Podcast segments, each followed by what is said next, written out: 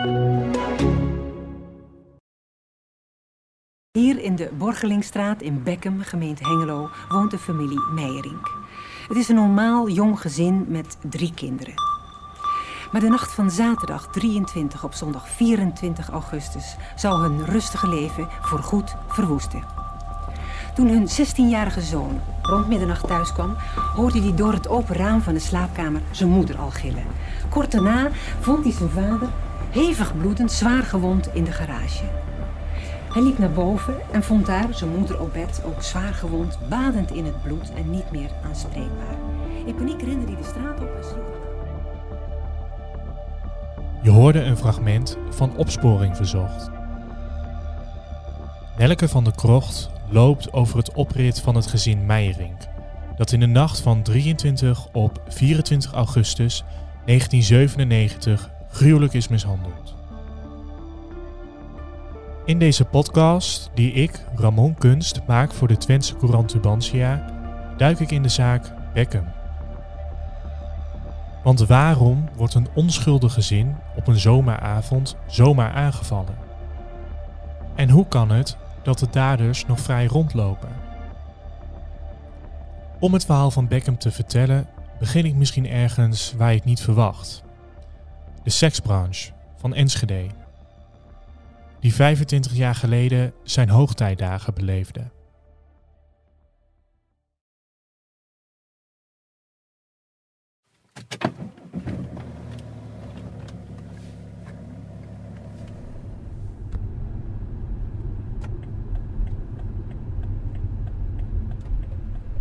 Goedemiddag. Goedemiddag. Hallo. Hoe is het? Ja, goed. Ja? Ben jou ook? Ja. mooi. Zeker. Ik ben blij dat ik eindelijk eh, kan beginnen dus. Ben je al begonnen? Nee, dit is de eerste. Morgen eh, ga ik... De man die bij mij in de auto stapt is Bert Jansen. Hij schreef eind jaren 90 veel over de Enschedese seksbranche. Had jij bepaalde plekken waar jij... eh, Het makkelijkste is om te beginnen bij de wat, het cent- wat de centrale seksclub eh, was, eh, zeg maar, is de carousel. Ja. Geen van die seksclub waar het toen om draaide eh, in Hengelo en Enschede eh, is nog seksclub. Alles is verdwenen. Ja. ja. Dus En eh, weet jij de weg zo daar naartoe? jawel. Oké. Als we onderweg zijn naar de voormalige seksclub, begint Bert al wat te vertellen over de seksbranche eind jaren 90. Maar toen hebben zij, die jongens hebben goud, goud geld verdiend in die tijd. Maar het was ook wel een beetje zo gewonnen, zo geronnen. Mhm. Het ging allemaal door de neus naar binnen. Eh, Nee, sorry, links ja. Zeg maar hier op de hoek. Hier heb je zometeen een weg naar rechts. Daar of anders zet hier de auto, is die, oh, is fietspad natuurlijk. Eh, rij hier de weg maar eh, rechts in, als dat mag. Ja, dat mag.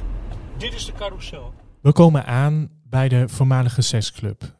En ik verbaas me een beetje. Het gebouw staat namelijk midden in een Enschedeze woonwijk. Grijs geverfd, alsof het niet wil opvallen.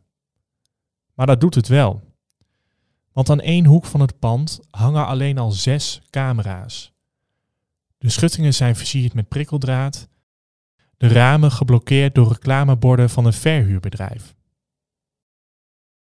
Als we voor het pand staan, begin ik met opnemen. Dit was dus Carousel? Ja. Eerst? Ja. En ehm, hoe zag het er toen uit? Zeg maar van binnen, hoe was de sfeer? Eh, Eh, de, binnen waren allemaal afgetimmerde kamertjes. Eh, sommige met eh, jacuzzi-baden. Waarin je door eh, de dames, voornamelijk Braziliaans.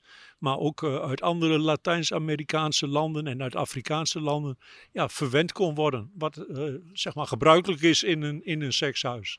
en waarom kwamen ze uit eh, Brazilië of eh, Latijns-Amerika? Ze, de, het verhaal begint eigenlijk bij eh, de godvader van de seksindustrie in Enschede. En dat was Willy Hazewinkel. En die had connecties in Brazilië. En die ging naar de armste sloppenwijken van Brazilië, in Braziliaanse steden, de armste gebieden. En eh, haalde daar dames vandaan om ze hier eh, als prostituee aan het werk eh, te laten gaan.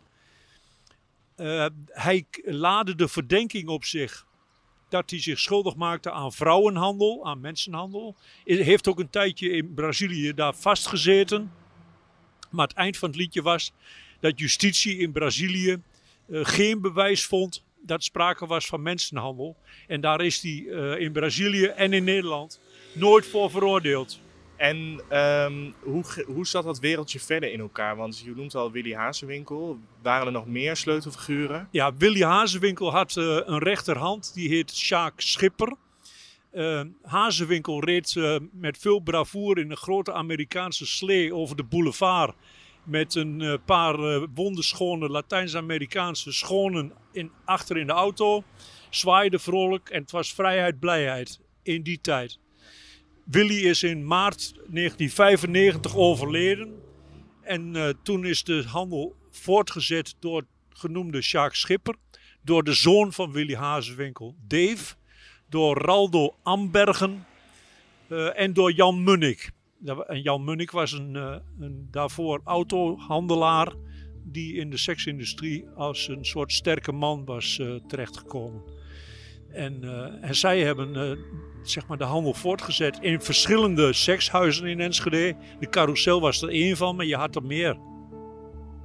Pas later zijn er problemen ontstaan. ehm, omdat er bijvoorbeeld eh, criminelen uit het Oostblok probeerden om eh, de boel over te nemen. Er is wel eens met zoutzuur eh, gestrooid op meubilair in een seksclub. Daar, ging er behoorlijk grof toe. Ja, en toen is het een beetje eigenlijk van kwaad tot erger gegaan.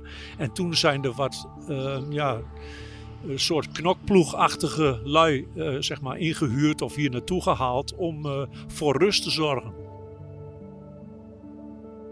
Je zegt van eh, knokploegjes. Waar bestonden die knokploegjes dan uit? Wel, wat voor soort mensen waren dat? Ze hebben op een gegeven moment een motorclub uit Moordrecht benaderd. Dat was een soort voorloper van Satudara, van die, eh, de club die inmiddels eh, verboden is. Eh, leden daarvan eh, zijn hier naar Enschede gehaald om hier eh, ja, de- zeg maar de rust eh, weer te herstellen of te bewaren. Dus ik moet me voorstellen, stel dat ik naar zo'n seksclub zou gaan. Ik zou niet betalen of geldproblemen hebben of wat dan ook. Dan kwam dat ploegje even bij mij thuis langs om verhaal te halen. Ja, of in de club zelf. Er is ook wel een strafzaak geweest eh, in de Trocadero. Dat was aan de Kortendijk. Dat, die- hoorde ook bij, het, eh, eh, bij de clubs van eh, zeg maar de nazaten van Willy Hazewinkel. En daar dat heeft ook wel tot een strafzaak geleid. Daar is een klant dusdanig mishandeld, heeft aangifte gedaan. En de, de verdachten daarvan zijn vervolgd en veroordeeld. Of niet? Precies.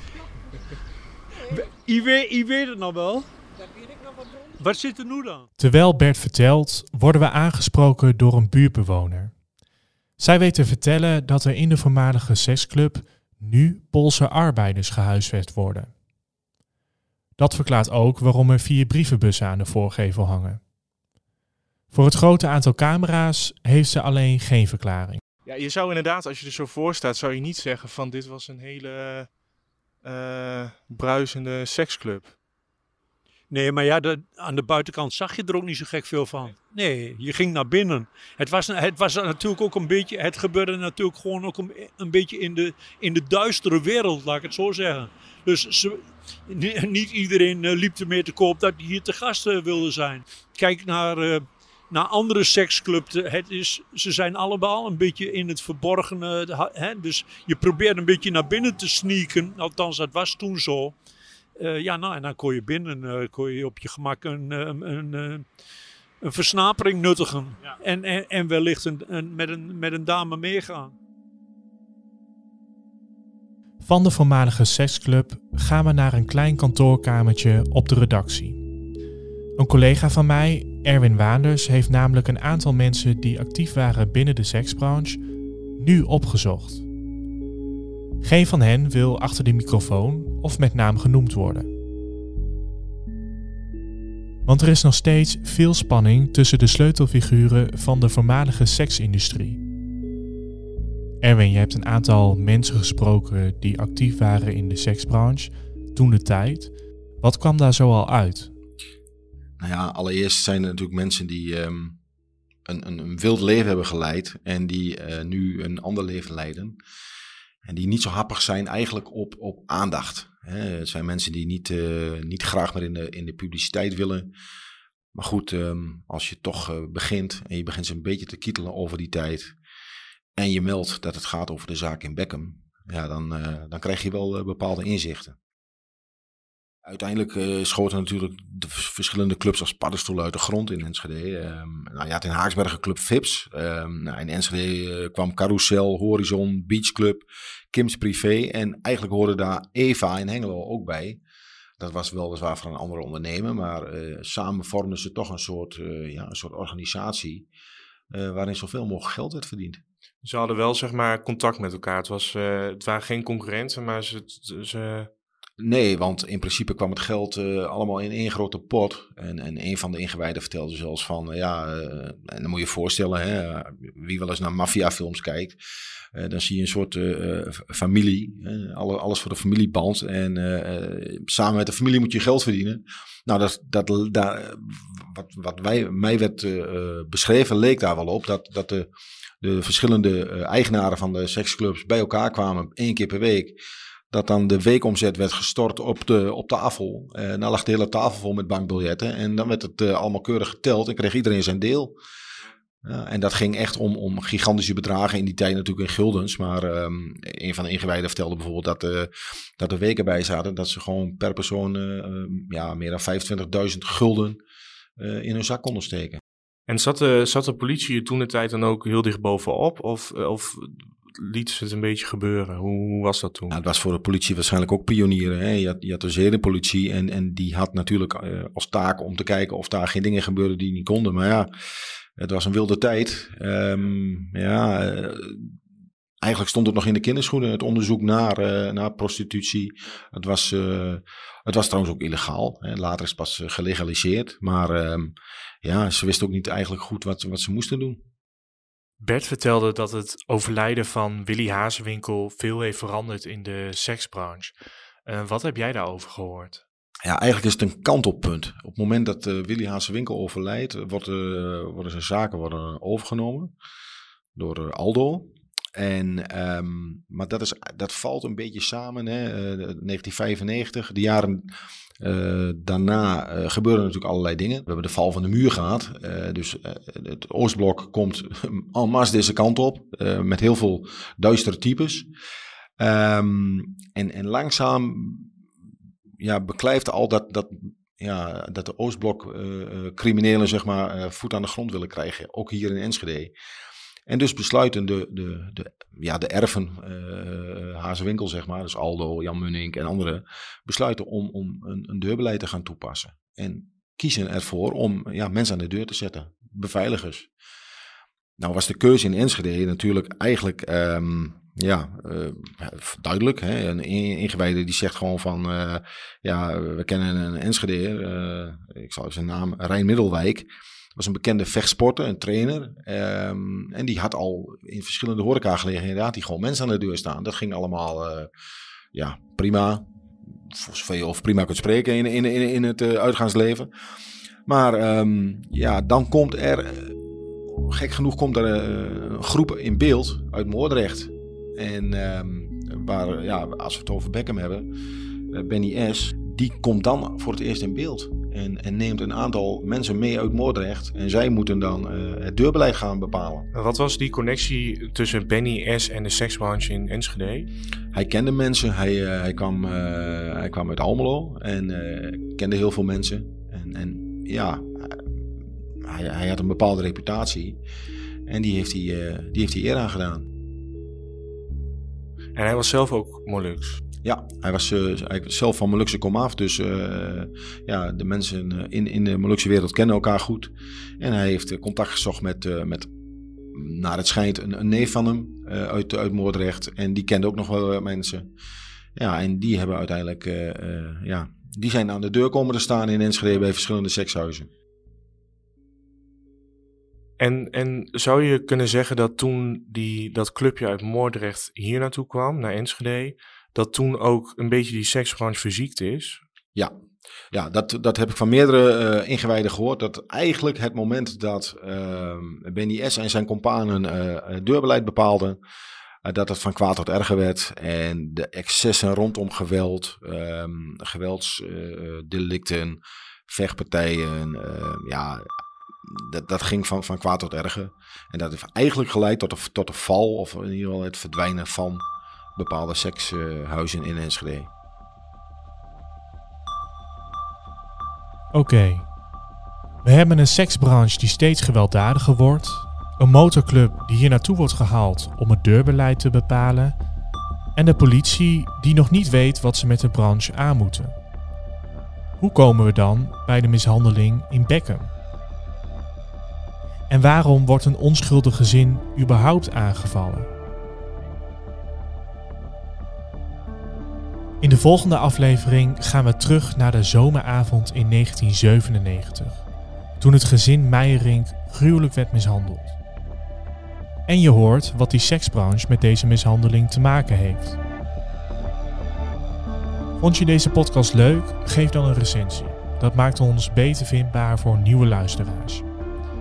Mijn naam is Ramon Kunst en ik werk samen met collega's Erwin Wanus en Maarten Schoon aan deze podcast.